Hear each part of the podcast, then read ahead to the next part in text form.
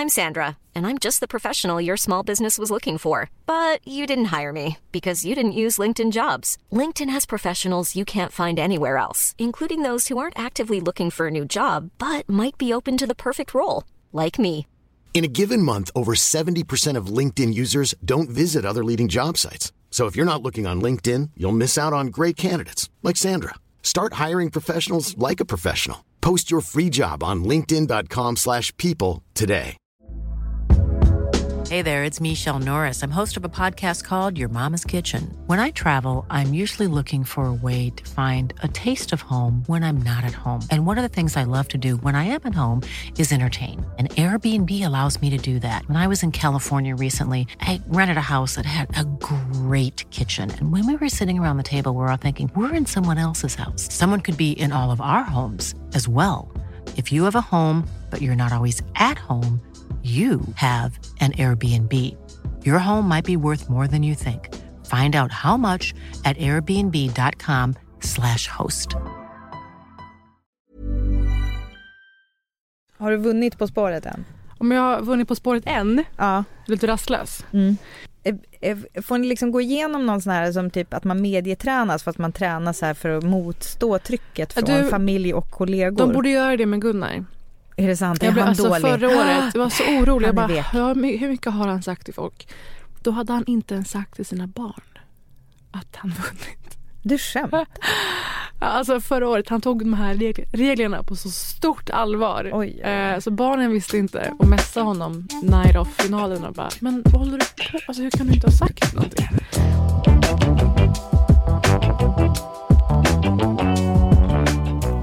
Du lyssnar på avsnitt 50 av Britta och Parisas podcast. Ja, varje vecka om eh, spännande aktualiteter, vare sig det är populärkultur, nyheter eller snackisar.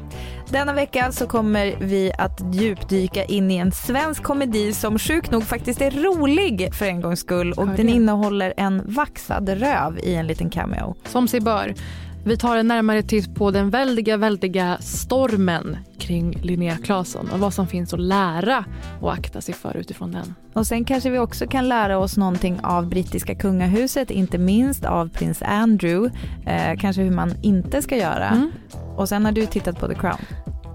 Det är säsong tre av The Crown, alltså kanske årets tv-händelse. Allt i denna veckas avsnitt. Varmt välkomna! Välkomna! Och just det, ni får jättegärna gå in och prenumerera och ratea podden med en liten kommentar kanske, där ni lyssnar.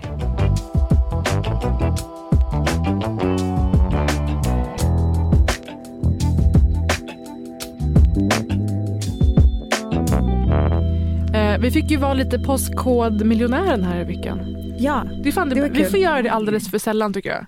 Vi borde göra det ofta. Alltså, tänker du postkod? med- Jag tänker på Oprah när hon säger titta under stolen, där ligger nycklarna till en Lexus. Det är faktiskt motsvarande att få en Lexus, det som hände. Vill du berätta? Vad har vi gjort? Nej men vi fick lotta ut biljetter till Hannah Gadsby. Just det, alltså som gjorde Nanette Mm. som blev ja, men, revolutionerande, tycker man kan säga. Precis, hennes Netflix special som eh, var egentligen tror jag, var det lite så här utformat som att hon skulle ta farväl av stand-up komiken för hon kände att hon gjorde ner sig själv för mycket eh, i och med den. Hon kommer från Tasmanien, Australien och eh, har liksom kanske det där utanförskänslan så här accentuerat den genom sin eh, komedi. Säger man så? Eh, men och eh, genom det så fick hon ju ett otroligt eh, liksom genombrott Mm. och internationellt och ehm, ja, vi har ju tidigare tipsat i podden om när det finns ett talk, Times talk med henne och Jill Soloway. Och de är alltså så Transparent. Ja, men, är underbart. Transparent-skaparen. Eh, och det snacket har jag tipsat om, jag tipsar om det igen. Ni kan söka upp det på Youtube för Mm. det är bara helt fantastiskt. Alltså det, det är så mycket citat som kommer ur det där. Och så Mm. var hon då i Stockholm i helgen. Och vi hade möjlighet att låta ut biljetter. Just det, och jag bad alla skicka med alltså, något slags favoritcitat eller säg eller stund med Hanna Ja. och varför det var den bästa. För Mm. det ger ändå någon aning om hur mycket fan man är. Ja. Liksom. Och vinnaren hette också Hanna. Tycker jag var roligt. Det var inte därför hon vann.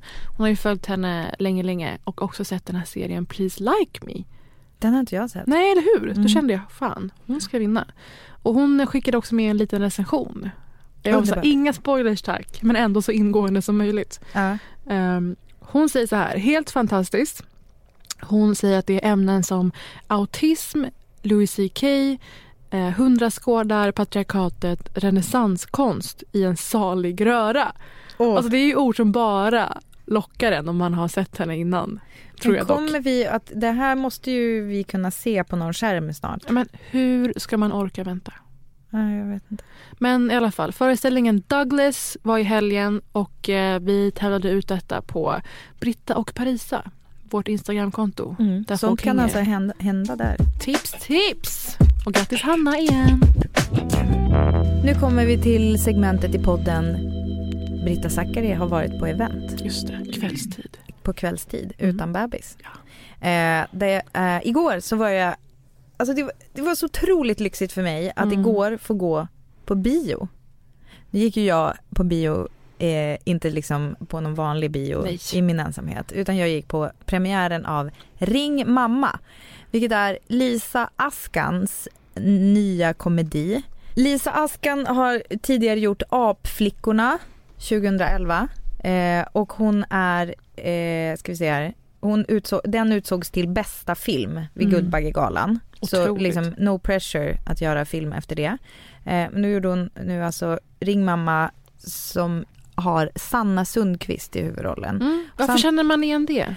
Sanna Sundqvist. Ja. Sanna Sundqvist har huvudrollen i komediserien Sista åket, eh, en FLX-skapelse eh, som eh, går på SVT. Mycket kul, så här, återvänder till sin hemtrakt för att driva ett hotell där, alltså i fjällen.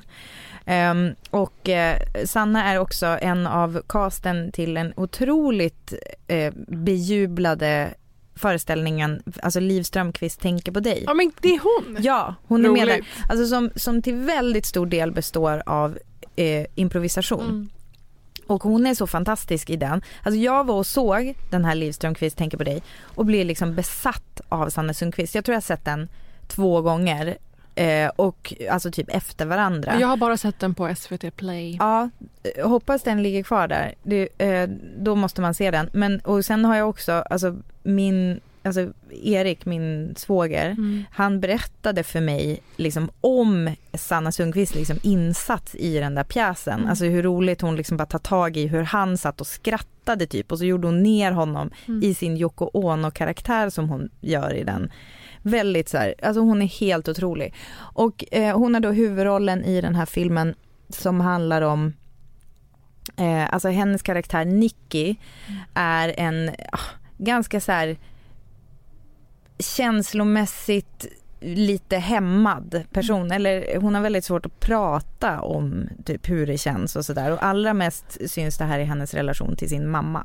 Men är det, för vi pratade om Evelyn Mock för några veckor sedan, Ja. eller två veckor sedan. Ja. Kurs i självutplåning. En Ja. sån liksom som bara tar grejer låter det bero. Eller hur skulle du Nej, säga att det alltså Sanna sig? är lite mer, alltså hon har mycket kraftigare e- egen agens Mm. liksom. Alltså hon har, hon har en väldigt stark driv Mm. men hon har, hon har väldigt mycket olika dejter till exempel. Alltså är mycket, hon, folk kommer hem till henne och ligger. Ja, Eh, Viktor Frisk dyker också upp i en liten han är överallt. roll. Ja. Eh, eh, och eh, hon har, alltså hon är, nej men hon är absolut inte så här hämmad som Okej. Evelyn Mock. Och hon är, hon är, eh, hon känns ganska kraftfull Mm. men just i sin relation till sin mamma, man märker att det är, så här, det är inte så lätt för henne att knyta an till andra människor med liksom känsloprat Mm. typ.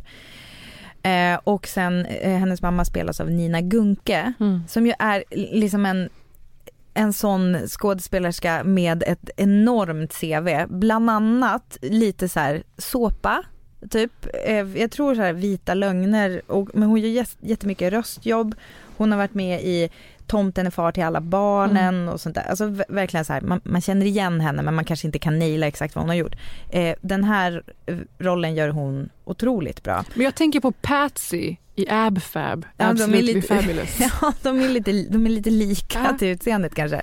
Eh, men hon, eh, jag vill inte spoila för mycket men det, det är liksom saker händer som gör eh, att deras trasiga relation, Mm. alltså Nicky och hennes mammas relation är, eh, den behöver, de behöver närma sig varandra. Mm.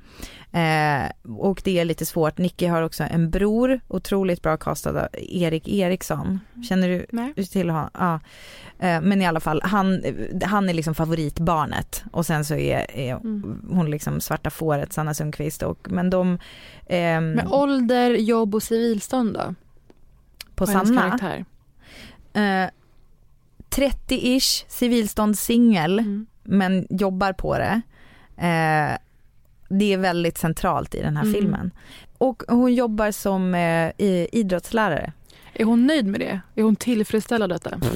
Det är inte hennes livskall. Mm. För vi brukar ju återkomma till lite den så balansen mellan hur mycket fokus och kraft man lägger på att vara uppgiven över en singelsituation Mm. i relation till hur mycket uppmärksamhet, bekräftelse man får och eh, fulfillment Mm. i karriär. Så det är intressant. Jag kommer nog vilja se den här. Ja men alltså du måste se den och jag Men- tänker nu säga tre anledningar varför. För jag ska bara lägga in innan, Mm. för balansens skull, att mina tveksamheter bara ligger i trailern.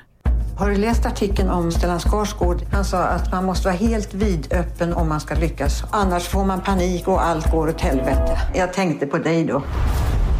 Inte säga någonting negativt, inte kommentera utseendet, inte fråga om hon har träffat någon. Har du träffat någon? Men vi är inte tillsammans. Jag tror att du har träffat någon annan. Vänta, vänta. Du har träffat en annan? Samtidigt som mig? Vad håller du på med? Du kan inte gå runt sådär. Vet du att mormor fick amputera sin tå? Lova att inte bråka. Jag måste väl få säga något? Lova bara att inte bråka, okej? Nej, nej.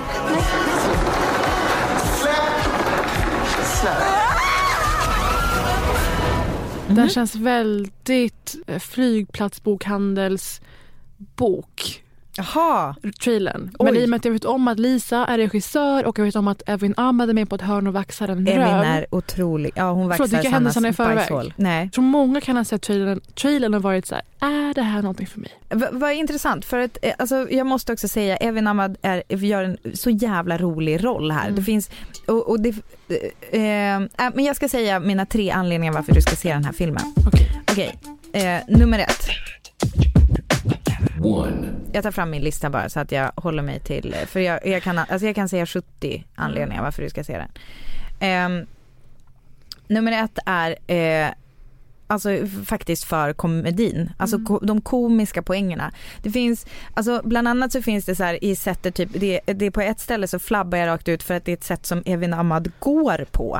Alltså förstår du, hon så går ut och ställer sig typ med så jobbiga klackar i typ lite stensamling Mm. som bara ser så jävla roligt ut. Och det, det som jag tycker är eh, allra allra härligast är att eh, Lisa Askan har ganska mycket scener som så dras lite för långt. Ja, hon har ju skrivit filmen också. Ja precis. Ja. Ja. Och hon, alltså hon så här, ja men det kan man ju också göra i regin men liksom att saker är så här, får, Mm. ta, får ta en plats som man vanligtvis kanske hade så här, ah, nej men vi behöver inte dra det här så långt, vi Mm. fattar poängen. Utan det är så här, man bara, oh nej, gjorde Mm. de verkligen det där? Alltså det är som att saker blir eh, liksom lite för mycket och Sanna Sundqvist är ju en otrolig fysisk skådis också. Mm. Alltså det är så här vissa sammanhang där hon typ så här puttar en person som hon liksom är osams med och puttar som faller och, så här, och då får man se liksom lite för länge hur den där försöker stappla sig upp. Alltså det är så väldigt mycket i Mm. liksom hur komiken Komiken får väldigt mycket svängrum helt enkelt. Prio, humor. Prio humor. Eh, anledning nummer två varför du ska se Ring mamma. Eh, casten alltså är fantastisk. Eh, jag sa Evin, gör en, hon gör en otrolig roll. Deras relation är också otroligt fin. De spelar bästa vänner. Mm. Och eh, Evin har, alltså ska vi säga så här, ingen av personerna som du ser i bild gör liksom den givna rollen för dem om du förstår hur jag menar. Mm. Alltså det finns alltid en token så här girlfriend eller det finns en, en eh, eh, ja inte vet jag, ett killintresse typ. Alltså alla, det känns som att allas karaktärer är mycket mer komplexa än vad de brukar få vara. Three. Och eh, anledning nummer tre varför du ska se Ring mamma är ju eh, såklart den otroligt smärtsamma och också drabbande och fina och aviga mor-dotter-relationen. Mm. Alltså så här, alla har vi en relation till en mamma.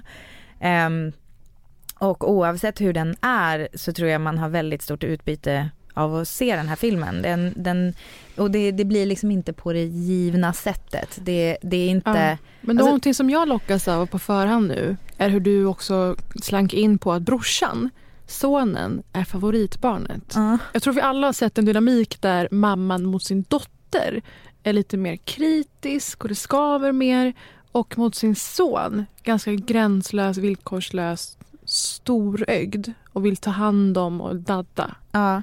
Ehm, jag vet väldigt många familjer där det är dynamiken. Vad intressant att du säger det. Ja. För jag, Så för jag är jag, jättenyfiken på hur de Ja, har porträtterat jag personligen känner inte igen det. Men, Mm. men det är alltså, exa, alltså det, det är väldigt, alltså ganska mycket så. det. För jag tror att det är någonting med att eh, mamman identifierar sig med dottern på något sätt. Ja. Och där finns någon slags projicering som äger rum.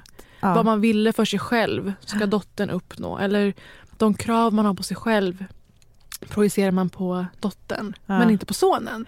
Han är gudabenådad. ja. Liksom. Så det där är jätte, jag är jättefascinerad av det. Ja. Verkligen. Ja, det, det, det är eh, absolut ett ämne som Ja. behandlas. Och nu har ju jag gjort slut på mina tre punkter som du märker för du kan räkna. Men jag skulle också vilja ge en liten shout-out shout-out till sexscenerna. För det liggs något vansinnigt i den här filmen. Alltså det är en, finns en jättevacker och fin och öm sexscen. Och det är så här, sexet är liksom lite mer som sex är också. Eller ja, okej, skruvat. Men det är inte, det är liksom inte så här eh, oj, och så låg de lite grann och hon kom direkt, han Mm. typ. Ja. Alltså det är verkligen så här, det är på ett helt annat sätt som man typ inte riktigt sett förut. Det får Mm. vara roligt med Mm. sex. Och eh, det finns en då jättefin scen på en otroligt otippad plats. Men och att båda Som är inte är vacker. snygga hade man velat ha. Att folk inte tänker på att så här, se snygg ut för kameran under sexscen. ja, nej det är utan nog här, ingen som tänkte på Det det här här. fula, liksom, fula minerna och liksom ganska otympliga kropps... Oh ja. Kul! Ja, Det älskar vi. gå Och sen, och se. ehm, Men det är ju en feelgood film alltså förlåt, det känns så taskigt mot filmen att säga Mm. det.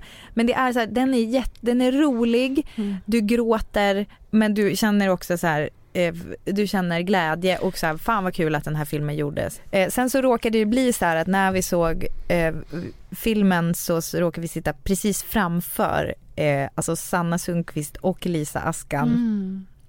Så det var lite stressigt. Man bara, kom, tänk om den inte är rolig. Kände ni deras ångest? Nej, men jag kände min egen ångest Ah. som den dunkade högt i öronen. Men sen var det så jävla roligt. Så det var, men första skratten är ju som lite lättnadens skratt. jag har ju gått typ. ut från en premiär för att det var för outhärdligt. En väldigt stor svensk eh, regissör. Satt du framför regissören då?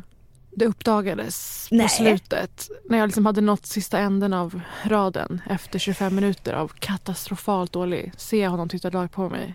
Och det är, det är för sent. Nej, Aha. det var faktiskt en person jag tycker om också. Nej. Så i rummet sitter alla de här storstjärnorna. En person går ut för att det är så jävla dåligt.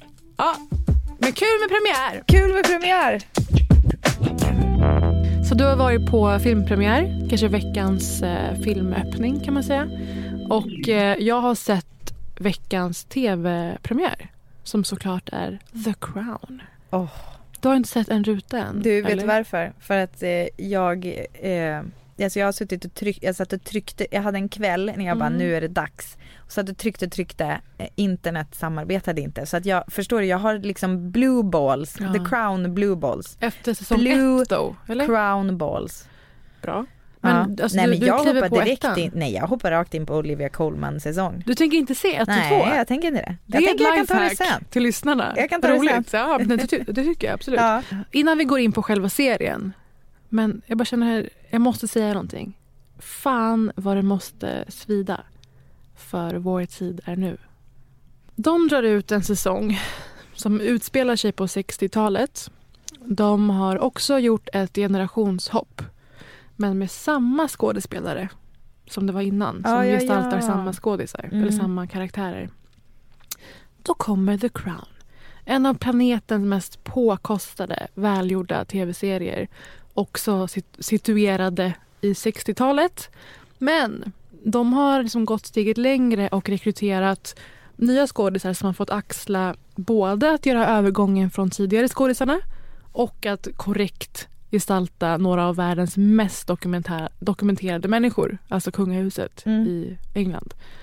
Och jag såg det här och bara, nej men det, det skulle vara som att du och jag släpper ett avsnitt om X samma dag som Netflix drar ut liksom en tre timmars dokumentär om samma ämne som vi tror att vi är ensamma på. Ja. Riktigt tufft. Är det tid, tidaspekten eller är det casten som är grejen? Ja, Men både och. Såklart det blir svårare att alltså, den scenografimöjlighet de har, den, det foto de har, allt i Ja. The Crown är ju gånger tusen. Men sen också faktumet att de har gått så mycket längre med casten. Ja. Att de inte så här, kör på samma men med lite liksom, da- dagghängigare ansikten. Ja. Utan har bytt ut Claire Foy mot Olivia Colman. Ja. En av världens mest uppburna dramatiska skådespelerskor. För Och- du, till skillnad från som Vår tid är nu, där spelar Hed- Hedda Stiernstedt samma roll fast över, alltså säkert flera decennier. Väldigt är utmanande. Decennier Väldigt jobbar? svårt. Eller två? Och så kliver också Helena Bonham Carter in Mm. som Princess Margaret. Alltså det är ju det värsta tänkbara. Det är helt ofattbart. Också en spaning att de, jag tror att de ville få in Adam Driver som Prins Charles. För han är att du- väldigt lik Ja, du, du, unga på- Prins Charles. Ja. Jag blev väldigt glad att se det. Det blev inte han i alla Är det fall. en örongrej kanske? Massa grejer, men absolut öron. Öronen är med. Och eh, Olivia Colman har ju fått ha CGI-färgade bruna ögon och levererar ändå den här... Vadå CGI? Kan man inte bara lägga en lins på ögat? De testade det, men det blev för ogenuint. Så noga är de. Men gud. Ja. Ehm, och Princess Margaret och Helena Bonham Carter, där finns det ju någon synk också mot verklighetens person. Och det ska inte vara något krav. Men det här liksom vitsiga, rappa, gränslösa. Hon gör ju det så otroligt bra. Mm. Och Princess Margaret är ju mitt kraftdjur. Är det så? Nummer ett. Här får vi se när hon då väldigt, väldigt känt, legendariskt nästan, åker på en representationsresa till USA och bara skärmar det här landet som ju egentligen ligger närmare hennes temperament som person. Där man får vara så här utlevande och stå på bord och skrika och sjunga och skärmar presidenten Lyndon B Johnson. What we have witnessed in Princess Margaret is a more vibrant, modern, and engaging version of her older sister. Quite right. Och det som The Crown gör bäst det är ju typiskt som sitta med Wikipedia uppe på paddan samtidigt som man kollar. Är det sant? För det är en massa historiska händelser som man bara, hände det här? Och det Mm. hände! Oh. Det är sexskandaler, otrohetsaffärer, det är konflikter, det är liksom Mm. publika bråk mellan stadshuvuden. Lustigt eh, att du säger det, att du Mm. pratar om brittiska kungahuset och eh, sexskandaler. Eh. Jo. Jag tänkte att vi kanske, kanske, om det passar att flika in här lite grann. Eh, Att det som, finns en koppling till nutid också. precis. Inte bara 60-tal. Nej, Nej, fy fan. Eh, jag tror att vi, kanske inte många har missat att prins Andrew eh, ställde upp i, lite förvånande, ställde upp i en, i en timslång intervju i veckan. Apropå. Apropå Jeffrey Epstein eh, som nu har tagit livet av sig men som eh, tidigare sexbrottsdömd Mm. och också eh, anklagad, lite färskare anklagelser. Trafficking och allt Alltså däremellan. hela faderullan. Ja. Ehm, och prins Andrew har ju nämnts och det är alltså det är så sjukt Mm. att han liksom, prins Andrew har nämnts i samband med Jeffrey Epstein för att han tydligen, eh, prins Andrew då ska ha haft sex med en då 17-årig flicka, Mm. alltså minderårig i USA. Ehm, vid upprepat antal tillfällen och eh, hon har blivit tvingad till det av typ Jeffrey Epstein Mm. himself som jag förstod det. Eh, och hon har då gått ut och berättat om det här då i, i nu, nutid eh, och prins Andrew och hovet har inte kommenterat saken Mm. överhuvudtaget. Det hade kanske varit smart att låta det förbli så. Jo, och vi får se lite i The Crown säsong 3 också. Att de försöker se på en mer transparent stil. Och det kanske inte alltid är the way to go. Nej, och eh, eh, det är nog många som undrar varför den här intervjun ens ägde rum och Mm. faktiskt också undrar om drottningen gett sin tillåtelse Mm. till det här. Det känns ogenomtänkt. Eh, Det känns ogenomtänkt, det känns eh, potentiellt skadligt Mm. för kungahuset och eh, framförallt som en väldigt, väldigt dålig idé. Eh, det låter lite så här och eh, ja, jag varnar cringe-känsliga personer kanske be- behöver hoppa fram en 15 sekunder. There's a slight problem with, with, with, with, with the sweating um, because uh, I, I have a peculiar medical condition, which is that I don't sweat, um, or I didn't sweat at the time, and that was oh actually yes, I didn't sweat at the time because I um, ha- had suffered what I would describe as an overdose of adrenaline in the Falklands War when I was shot at. Uh, and I simply, it, it, was, it, was, it was almost impossible for me to, to, to sweat. On that particular day that, that, that um, uh, uh, we now understand is the date, which is the 10th of March, uh, I was at home. Uh, I was with the children. I'd taken Beatrice to uh, a Pizza Express in Woking Why would you remember that so specifically? Why would you remember a, a Pizza Express birthday and being at home? Because going to Pizza Express in Woking is an unusual thing for me to do. A very unusual thing for me to do. I've never been, I've only been to Woking a couple of times, um, and I remember it weirdly distinctly. But, uh, but as soon as somebody reminded me of it, I went, oh yes, I remember that. Men Parisa, du vet ju liksom jag att när sådana här saker händer, alltså när saker, när fakta inom citationstecken kommer fram som låter ah, lite väl mycket som en väldigt utbroderad lögn. Det är också så här, man bara, varför ska du ha en så konstig förklaring till det här? Självklart så låter internet inte vänta på faktiska bilder från det här. Så det har ju dykt upp då. ehm, eh, han säger att han inte vet var den här klubben låg. Eh, eller vad det var för klubb innan och sådär. Och, så, och att han var så svettig, han kan inte svettas så det kan inte vara han. Och då dyker det ju upp bilder både på när han svettas och att han typ tidigare har varit på den klubben. Eh, det är också, jag lyssnade på en intervju med en så här, typ krishanterare på eh, som de hade som gäst i P1 Morgon och som då sa att det, det smartaste draget hade ju varit om han nu var liksom helt oskyldig och inte har befunnit sig där han sägs vara. Han lär ju vara följd av, av motsvarande Säpo hela tiden. De får ju garanterat logg över vad de gör. Bara visa dem the, the records liksom och bara låt det vara. Men ja, ändå så händer den här intervjun. Eh, och det är väl kanske en läxa eh, bara till så här i ja, krishantering 1A typ. Har du, har du liksom inte riktigt ett så här rock solid alibi så Mm. fortsätt håll käften. Har du Eller? svettats? Säg inte att du inte har svettats. Det är så jävla dumt.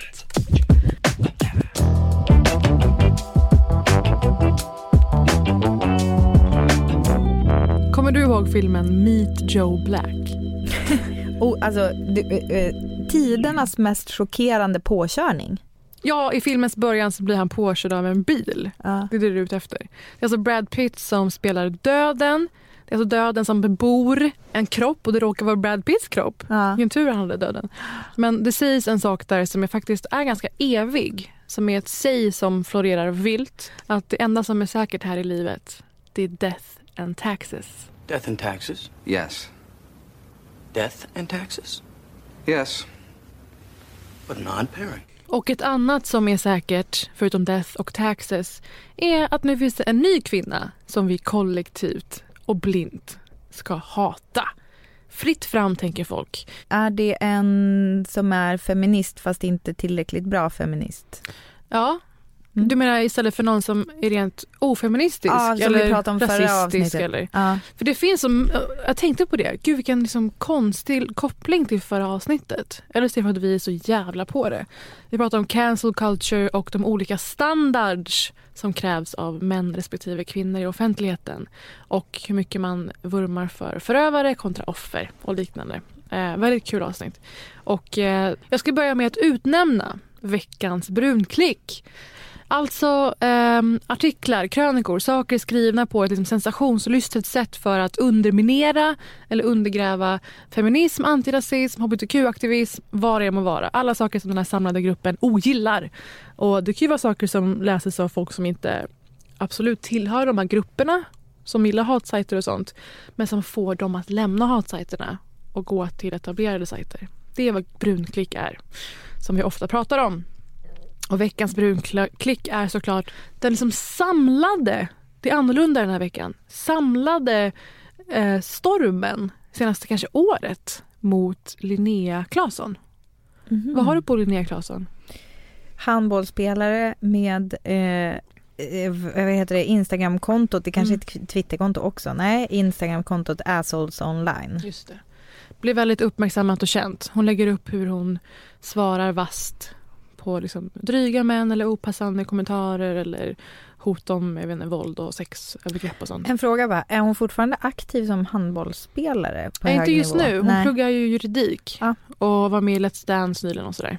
Och det här har säkert folk sett lite av och eh, vi kommer ju vilja lyfta blicken för att liksom, nästa vecka kan det vara en annan kvinna och veckan efter det antagligen en annan kvinna. Mm. Det är liksom inte det relevanta här utan det är som sagt eh, trenderna.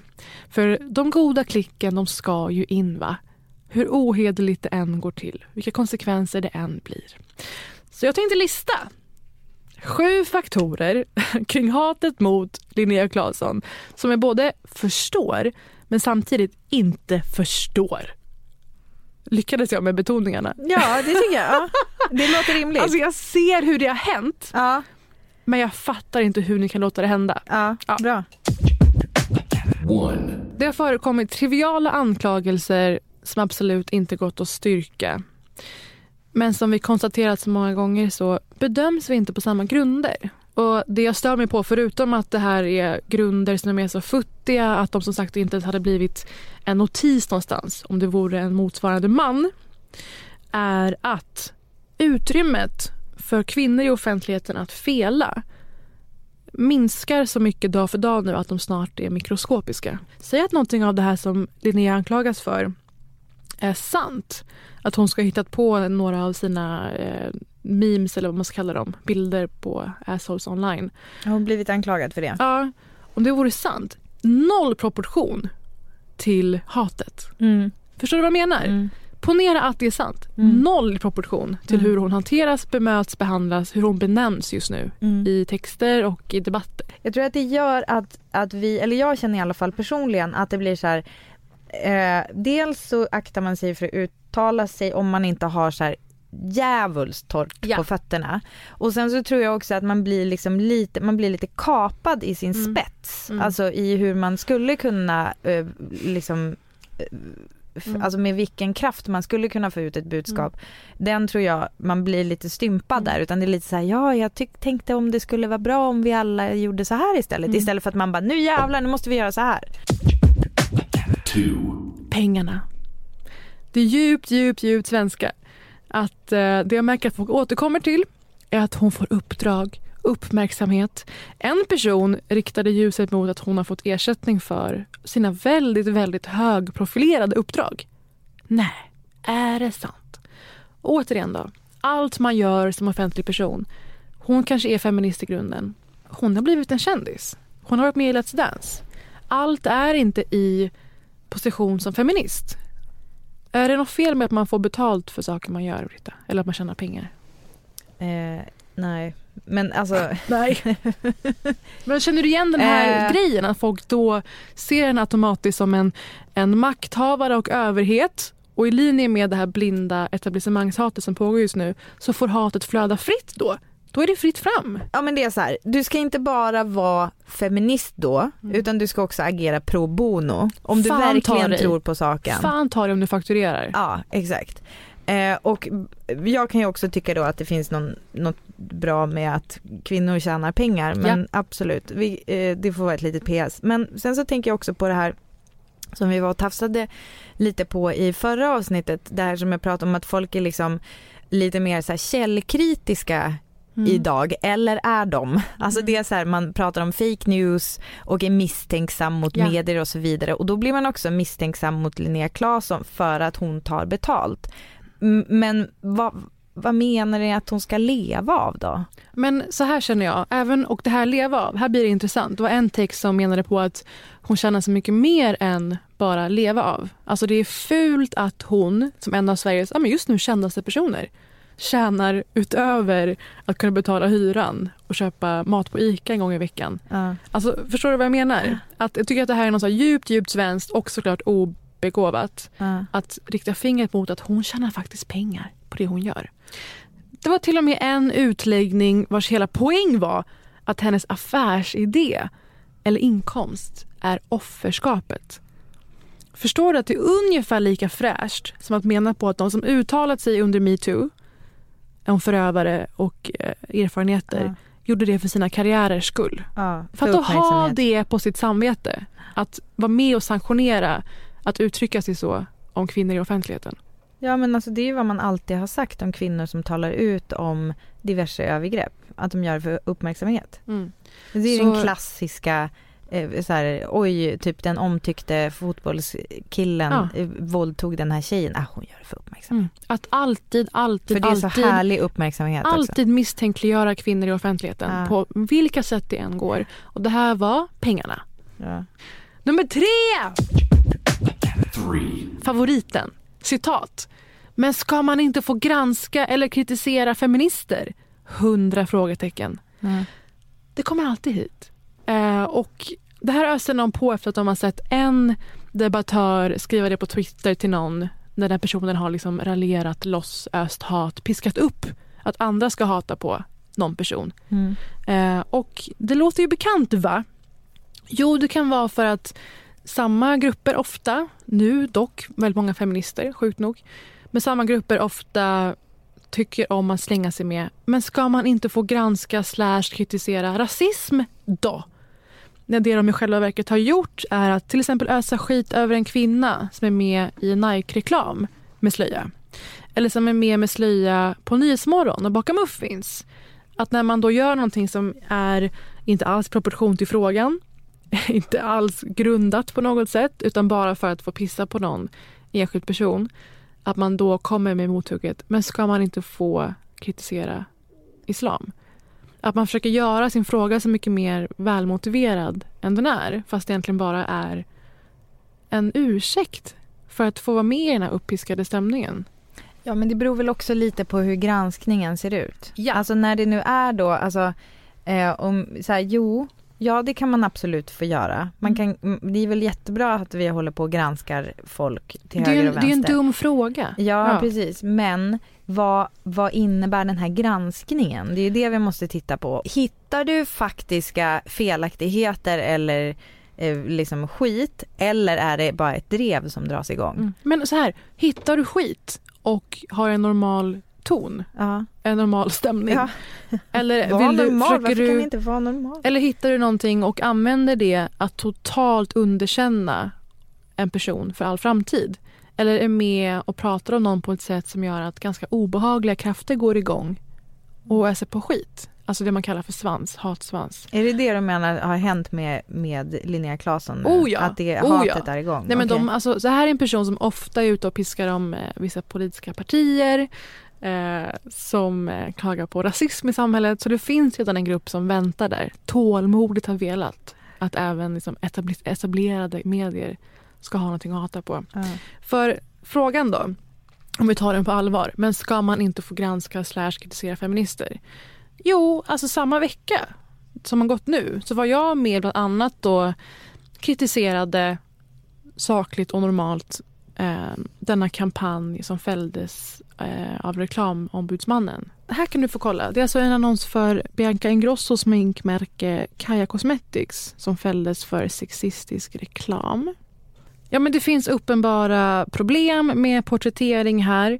Och Det är inte det som är intressant här. Jag var inte med och- pratade om den här reklamen. Utan det jag var med och diskuterade var faktiskt svaret från Bianca Ingrosso och hennes företag Beauty Mhm. Icons AB när de då blivit fällda. Mhm. Det var nämligen så att Instagramkontot Reklamera, som alltså ofta är ute och skriver om olika kampanjer på Instagram eller och visar upp så här, man, så man lär sig det, att se på reklam. Vad är det man försöker förmedla? Hur gestaltar man kvinnor och sådär. Mm. Det var de som var med och belyste det här från början. Och då så säger Beauty Icons AB med Bianca Ingrosso Annonsören blir ledsen, men främst oroad över hur kvinnor som säger sig företräda kvinnor försöker begränsa deras rätt att uttrycka oss. Sick, felstavat. Ja. Annonsören ifrågasätter vad detta sänder för signaler till unga kvinnor och till samhället. Wow. Så de gör alltså ett feministiskt statement när de har blivit fällda för sexistisk reklam. Ja. Och det är ju peak 2019. Mm. Det är väldigt kul. Eh, vad, kan, känner du att det finns några uppenbara saker att reagera på med det här motsvaret? Det är ganska magstarkt att bli kränkt av att någon eh, säger att de blev kränkt av det du har gjort. Alltså förstår du? Det är, så här, det är en oändlig loop av kränkthet. Eh, men jag, alltså eh, det, det är ju också tycker jag kanske lite ofräscht att inte eh, ta tillfället i akt bara, alltså om vi pratar så här om typ eh, eh, alltså Prince Andrew kan vi koppla in i det här, allting hänger ihop som vanligt i podden. Eh, att han inte bara så här uttryckte sin, sin liksom eh, djupaste, alltså beklagade att de här offren har eh, upplevt det som eh, de anklagar Jeffrey Epstein för till exempel. Eh, att inte Bianca Ingrosso eller hennes AB i det här eh, tar tillfället i akt och säger typ oj vad tråkigt att någon upplevde att det här var ett dåligt sätt att visa upp en kvinnokropp på eller? Alltså, ja, i en sminkreklam Ja men jag tänker ja. det är så här 1A. Att jo, bara, dels det. Att bara så här, oj, förlåt. Mm. Men det, att, det här, det här att använda feminism som svar på sexistisk reklam. Det finns Ja, något vet. inverterat där som är lite intressant. Ja. Eh, dels så här, säger sig företräda kvinnor. Alltså du gör reklam för smink med att det rinner mjölk ur mungipan på en ung tjej, bildtagen underifrån. Mm. Det, är som en, det är liksom en typisk porträttering som inte rimmar väl. Nej men alltså kan man inte säga att det är bara som ett slags kränktception typ? Mm. Eller alltså det är så här, det är, du blir anklagad för sexistisk reklam Mm. och då tycker du att de Då som anklagar använder dig feminismen. använder, ja men Ja. då att det är sexistiskt av dem Ja, att anmärka på det. ja. Alltså, men det, är ju, alltså, det är som- det är ju porträttering lånad från porrens värld så att säga. Ja men alltså det är ju, alltså kan vi mynta ett uttryck här, kränktception. Det är myntat! Det är samma sak som när, när jag säger åt min treåring att hon gör något som är osoft och då blir hon ledsen Mm. och kränkt för att jag säger åt henne. Bara, fast det var du som började. Ja. Väldigt bra så. Britta. Kränktception. Mm. Men då var jag i alla fall så här, men hörni det här var inte så jättevälfunnet. På en helt normal nivå. Utan att skriva att de som, alltså Bianca och, och company borde gå någonstans och gömma sig och försvinna från jordens yta. Four. Utgå från sig själv, döda vinkeln. Aha. En person hade verkligen argumentation på den här nivån. Hon kan inte ha fått så mycket påhopp som hon har fått på grund av att jag inte har fått det. Oh, klassiken. Vet du vad jag tänker på då? Berätta. Nej, då tänker jag på när eh, vår vän Margret Atladottir Ja. berättade om hur mycket catcallande hon var med om när hon gick på en viss gata i Mm. Stockholm eh, och var sur över det. Och då Mm. var det en annan person, Kvinna. eh, kvinna, som sa det kan inte stämma för det har inte hänt mig. Inte bara sa det utan gjorde ett helt långt blogginlägg om detta. Det var Anita Schulman. Ja, Nu sa alltså jag bara. inte Eller förlåt, ens- Clemence. Ja just det. Inte ens liksom, gud vilken hemsk upplevelse för dig, även om det inte var bokstavligt så många så var det många. Vilken Ja. hemsk upplevelse. Ja. Utan vilja underkänna en annan kvinna på en sån faktoid Ja. helt enkelt. Också, hon kan inte ha blivit våldtagen på grund av att jag inte blivit det. Den kan inte ha blivit utsatt för rasism för jag har inte det. Mm. Ni hör ju, samtalsnivån, den är inte kul. Nej. Five. Det här är ju den första lägerelden att samlas kring. För det är ju inte religion som fick oss att mötas ordentligt, många människor tillsammans. Ibland förklätt till religion, det måste vi säga. Men vad är det jag tänker på? Att elda saker. Det, det är det bokstavliga lägerelden. Alltså ja. det, det tycker jag är det som förenar mänskligheten, att det är kul att titta på eld och elda saker. Det är inte det du tänker säga? Nej eller? men när vi säger lägereld i Mm. medievärlden då menar vi saker som samlar väldigt många på samma stund. Mm. Det är oftast eh, mäns- alltså Melodifestivalen, Så Mm. mycket bättre. Saker många kan samsas kring.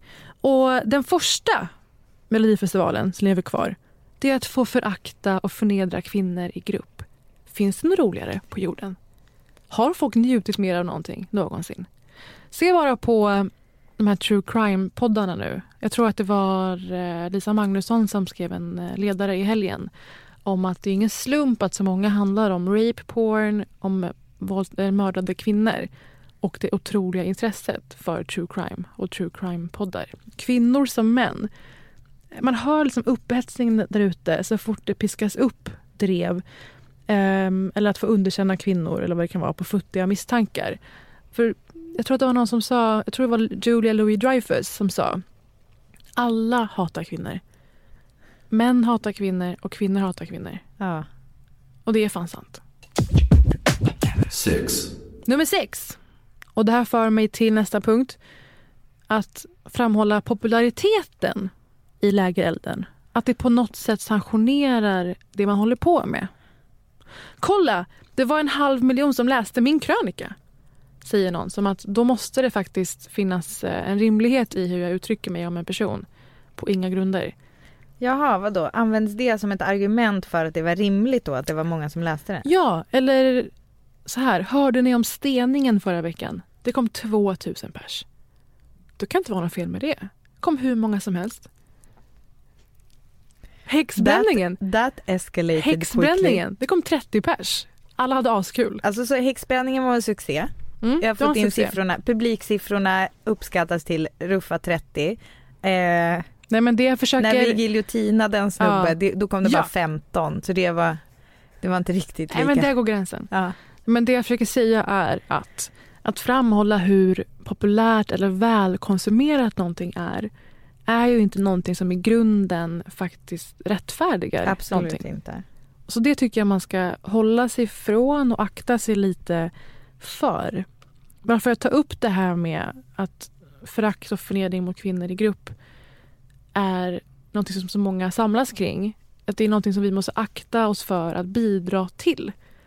Och om det är så ska det verkligen vara motiverat. Mm. För att sk- gränserna förskjuts så väldigt, väldigt snabbt.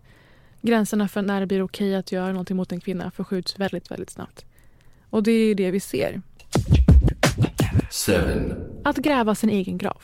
Varför jag ville prata om det här idag, inte för att jag har någon slags personlig koppling till Linnea Claesson just.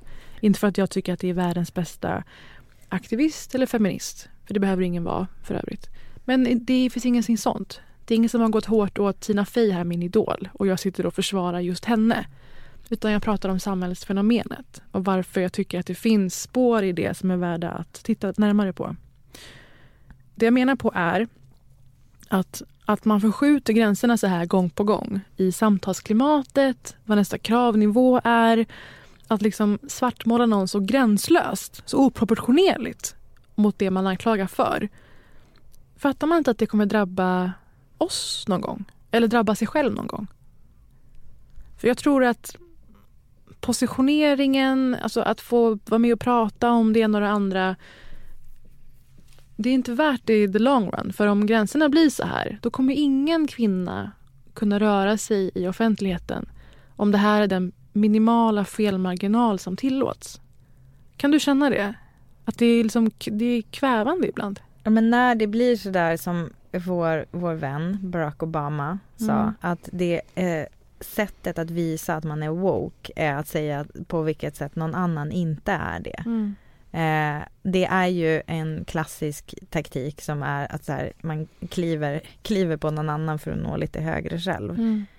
Ehm, jag känner att jag är liksom för, kanske alltså lite för dåligt påläst i ämnet Linnea Claesson men ingenting av det du säger är ju någonting som egentligen förvånar mig eftersom det här är så här, så här har det alltid varit, alltså det är så här skolgårdsmentalitet. Det är cykliskt. Eh, det är cykliskt, ja och det är också så här, det är liksom den rollen vi har blivit tilldelade på något sätt. Att det är, jag, jag känner också väldigt så starka eh, paralleller till det här med att man vänder kvinnor mot varandra Mm. för att så här, eftersom utrymmet vi har fått är så snävt eh, Mm. då blir det att vi börjar tävla med varandra istället för att peka på en plats Mm. inne i mansrummet Mm. och säga men här, alltså istället för att stå och, och, och tjafsa i jättelånga tjejtoakön så Mm. bara men hallå inne, på kill, inne hos killarna är det Mm. ingen kö, kan vi inte gå in där och härja istället? Då kommer jag att tänka på den gamla First they came for the ex. Ja. Den gamla dikten. Ja. First they came for regnbågsfeministen. De tyckte hon fick för mycket uppmärksamhet och pengar. And I didn't speak up because I wasn't a regnbågsfeminist. Then they came for me and there was no one left to speak for me.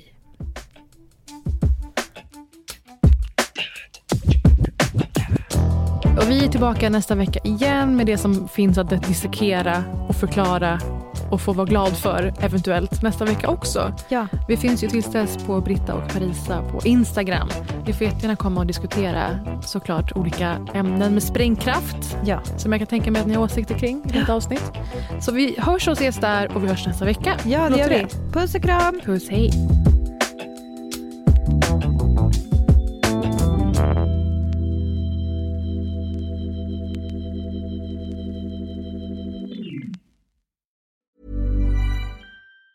Even on a budget, quality is non-negotiable. That's why Quince is the place to score high-end essentials at 50 to 80% less than similar brands. Get your hands on buttery soft cashmere sweaters from just 60 bucks, Italian leather jackets, and so much more.